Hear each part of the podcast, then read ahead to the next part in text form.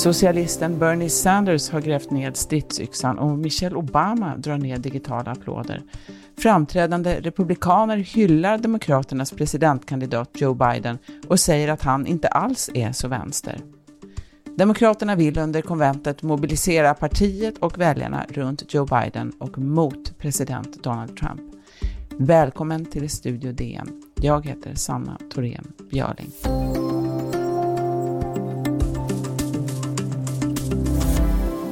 Donald Trump is the wrong president for our country. He has had more than enough time to prove that he can do the job, but he is clearly in over his head. If you think things cannot possibly get worse, trust me, they can and they will if we don't make a change in this election. Ja, Michelle Obama, den tidigare första damen, markerade hårt mot presidenten i sitt förinspelade tal på Demokraternas partikonvent. För fyra år sedan höll hon ett tal som gav stående ovationer från publiken. Konventen brukar ju vara stora publika arrangemang, men i år är allt annorlunda. Joe Biden tog emot nomineringen eh, som pres till presidentkandidat inför valet i november mellan hyllbokhyllorna i ett bibliotek medan hans familj släppte några små ballonger på honom. Det påminner lite om ett födelsedagskalas för familjen med en 78-årig jubilar.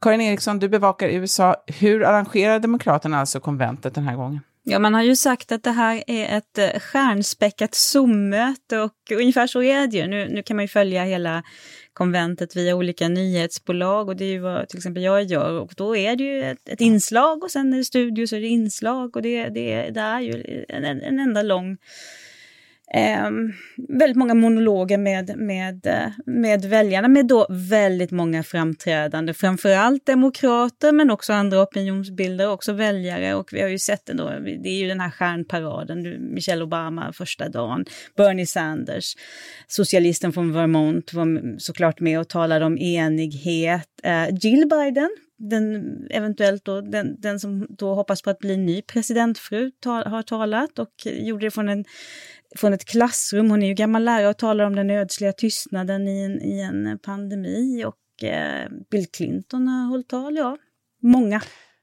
Det är ju lite spännande det där att det är förinspelat mycket. Michelle Obama till exempel nämnde ju inte Kamala Harris, vicepresidentkandidaten, för hon var inte utsedd när Michelle spelade in detta.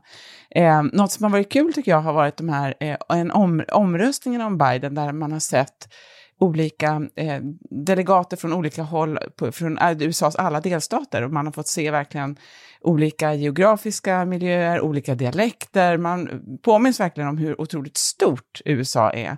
Och som du är inne på så är det ju också en stor, ideologiskt sett en ganska stor spridning här på folk. Eh, det känns ju lite grann som att partiet nu, dels så ska de enas internt, men framför allt så vill de ju mobilisera mot presidenten.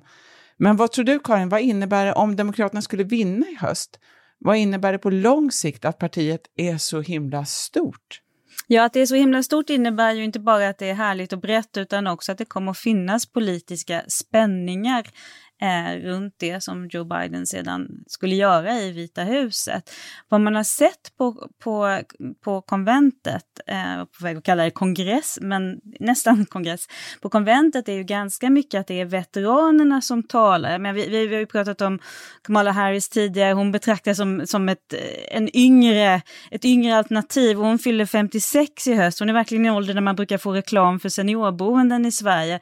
Och vad, det finns ju en diskussion där också vår kollega Martin Gelin skrivit om att de unga inte får synas på det här konventet. Och då är frågan hur man ska hantera den här unga starka rörelsen som finns i, i Demokraterna i USA som vi såg 2018 det kan man ju fundera över om deras... Eh, vi vet ju att de var rätt tveksamma till Joe Biden och om de kommer att bli desillusionerade när han, om han skulle bli president och fortsätta det här att kompromissa och göra upp, om de inte får till exempel den migrationspolitik de hoppas på, eh, radikaliteten i olika frågor, sjukvårdspolitiken. Vi vet ju att det är lätt att gå vilse i reformarbete där.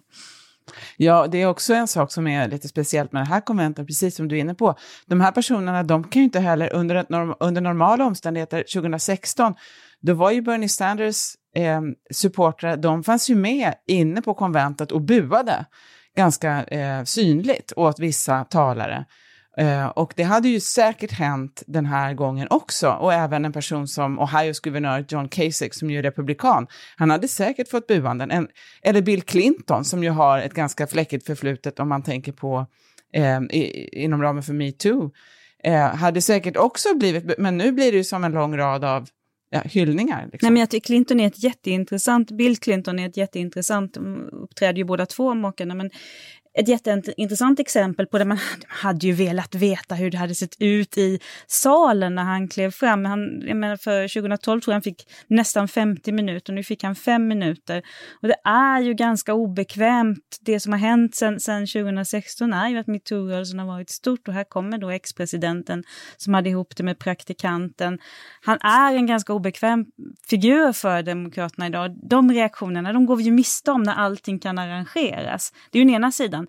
Den andra sidan är att vi kommer ju dem ganska nära i de här, här talen, ganska intimt på ett, på ett lite fint sätt, men naturligtvis mm. uppifrån och ned.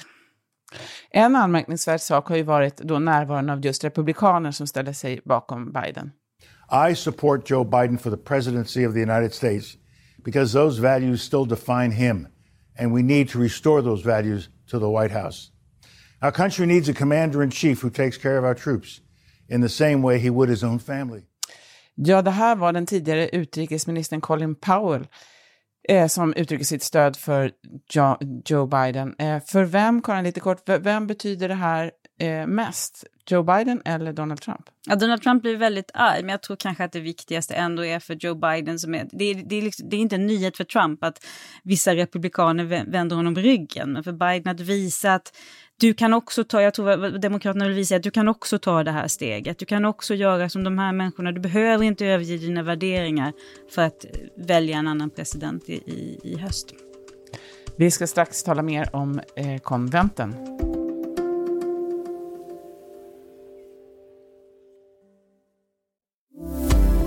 Vi pratar med Karin Eriksson om partikonventen i USA. Du, ett konvent har ju ett par uppgifter. Dels så ska man utse partiets kandidat i presidentvalet, men man ska också anta en valplattform. Eh, kan man säga någonting om vad Demokraterna har kommit fram till? Nej, men vad man vet är ju att, att Joe Biden, ända sedan han, han, det, det, blev klart att han skulle nomineras, nu är han ju formellt nominerad, har försökt över, överbrygga den här spännvidden, vi pratar om de spänningar som finns, och, och tillsammans arbeta tillsammans med vänstern i partiet för att plocka fram en politik. Så att trots att presidentkandidater brukar bli mer moderata så har han ibland blivit mer, gått, gått i en annan riktning, till exempel om ett radikalt klimatprogram med enorma investeringar i grön ekonomi. Det här handlar inte bara om att USA ska tillbaka till Parisavtalet utan USA ska också gå före. Eh, jag tycker att familjepolitiken är ganska spännande och kanske då första gången att, att, att, USA som skiljer ut sig och inte har en rätt till betald föräldraledighet nu skulle få det tillsammans med rätt till, till betald sjukledighet. Det är sådana delar i programmet som är spännande. Ehm, eh, och man vill väl också, just som du nämnde tidigare, är ju också sjukvårdspolitiken eh, spännande, precis hur man har ändrat på formuleringarna där in i det sista för att gå Bernie Sanders supportrar till mötes, men kanske inte riktigt hela vägen. Eh, Donald Trump brukar ju eh, försöka distrahera ehm, när det sker saker på andra håll. Nu har han rest runt till Minnesota och Wisconsin och hållit möten. På måndag så ska han ta emot nomineringen när Republikanerna inleder sitt konvent och eh, det ska han göra från Vita huset. Varför, är det, varför har det väckt reaktioner? Nej, för att man brukar skilja på partiaktivitet och att företräda, vara president och företräda landet. Och Vita huset är ju då den federala byggnaden där han ska leda landet, inte där han ska eh, liksom propagera för sin sak. Men, men så ska man säga att han har ju också öppnat för ett alternativ att hålla, nu det har ju varit många turer runt hans tal, men att hålla talet vid Gettysburg som ett gammalt slagfält i inbördeskriget. Det var lika kontroversiellt det, eftersom det då betraktas som ett minnesmärke som inte, eller är ett minnesmärke som man inte ska göra partipolitik av av heller. Så ska man vara schysst mot Donald Trump får man säga att det är inte alldeles enkelt vad han ska vara. Alla blir arga om man kommer och samlar massor av människor och alla blir arga om man håller sig till Vita huset. Och vad, vad ska han då ta vägen till golf, golf? Skulle han stå på golfbanan skulle det också väcka syrliga kommentarer. Han är ju en president som verkligen får sin näring av de här stora framträdandena. Hans framträdande på konventet 2016 blev ju väldigt minnesstarkt. Jag var i det där rummet då när det hände. Då lät det så här. Nobody knows the system better than me. Which is why I alone can fix it.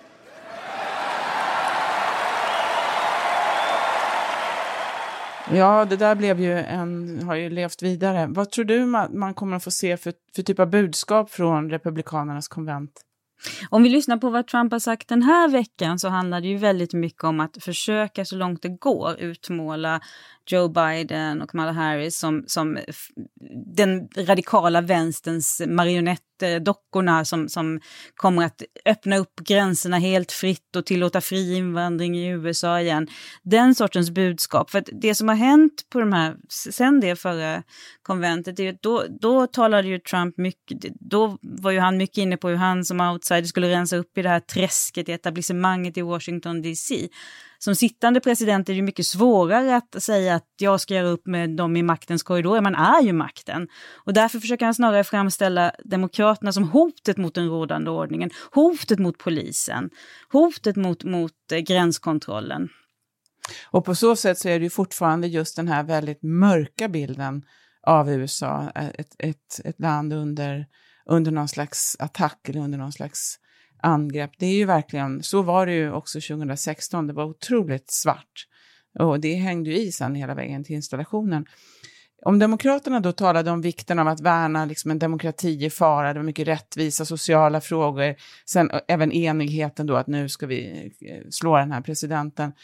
Eh, det är ju verkligen två helt olika världsbilder som, som riktar sig då till, till två sidor av befolkningen kan man säga. Spelar konventen någon roll för vem som vinner valet, Karin?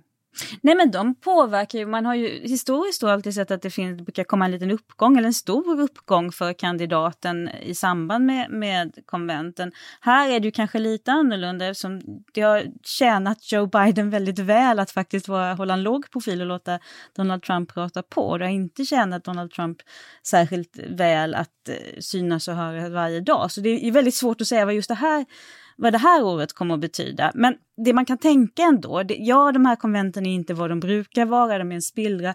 Men samtidigt i en valrörelse där det är så få andra kampanjmöten, där Joe Biden kommer ju inte vara ute på ett vanligt sätt, så blir det ju ändå väldigt betydelsefullt när man träder fram, när den här paraden av talare kommer. Så det ska bli oerhört, det är jättesvårt att säga om hur det kommer att påverka den här gången, men att det, det ska bli väldigt intressant att se hur, hur det blir.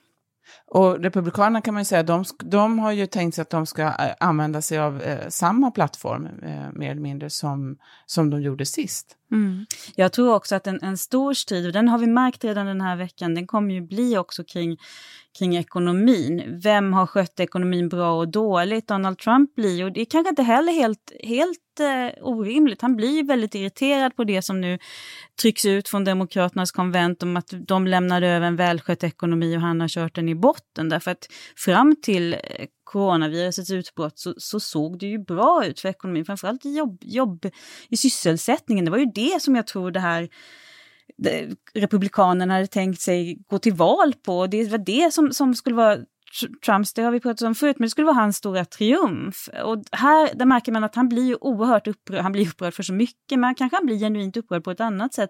För han genuint tycker att det är orättvist när han beskylls för pandemins effekter. Så att han kommer ju också vilja ha ett budskap och säga att jag har gjort det och jag kommer göra det igen. Får vi se hur eh, det går. Tusen tack Karin. Imorgon ska vi prata om varför det kan vara så svårt att få ett paket med posten. Hur kan det komma sig att Postnord säger att man inte har varit hemma för att ta emot leveransen, fast man visst har stannat hemma just för att göra det? För ljudillustrationerna stod AP och AP Archive. Studio DN görs av producent Sabina Marmelakai, exekutiv producent Augustin Erba, ljudtekniker Patrik Miesenberger och teknik Oliver Bergman från Bauer Media. Jag heter Sanna Thorén Björling.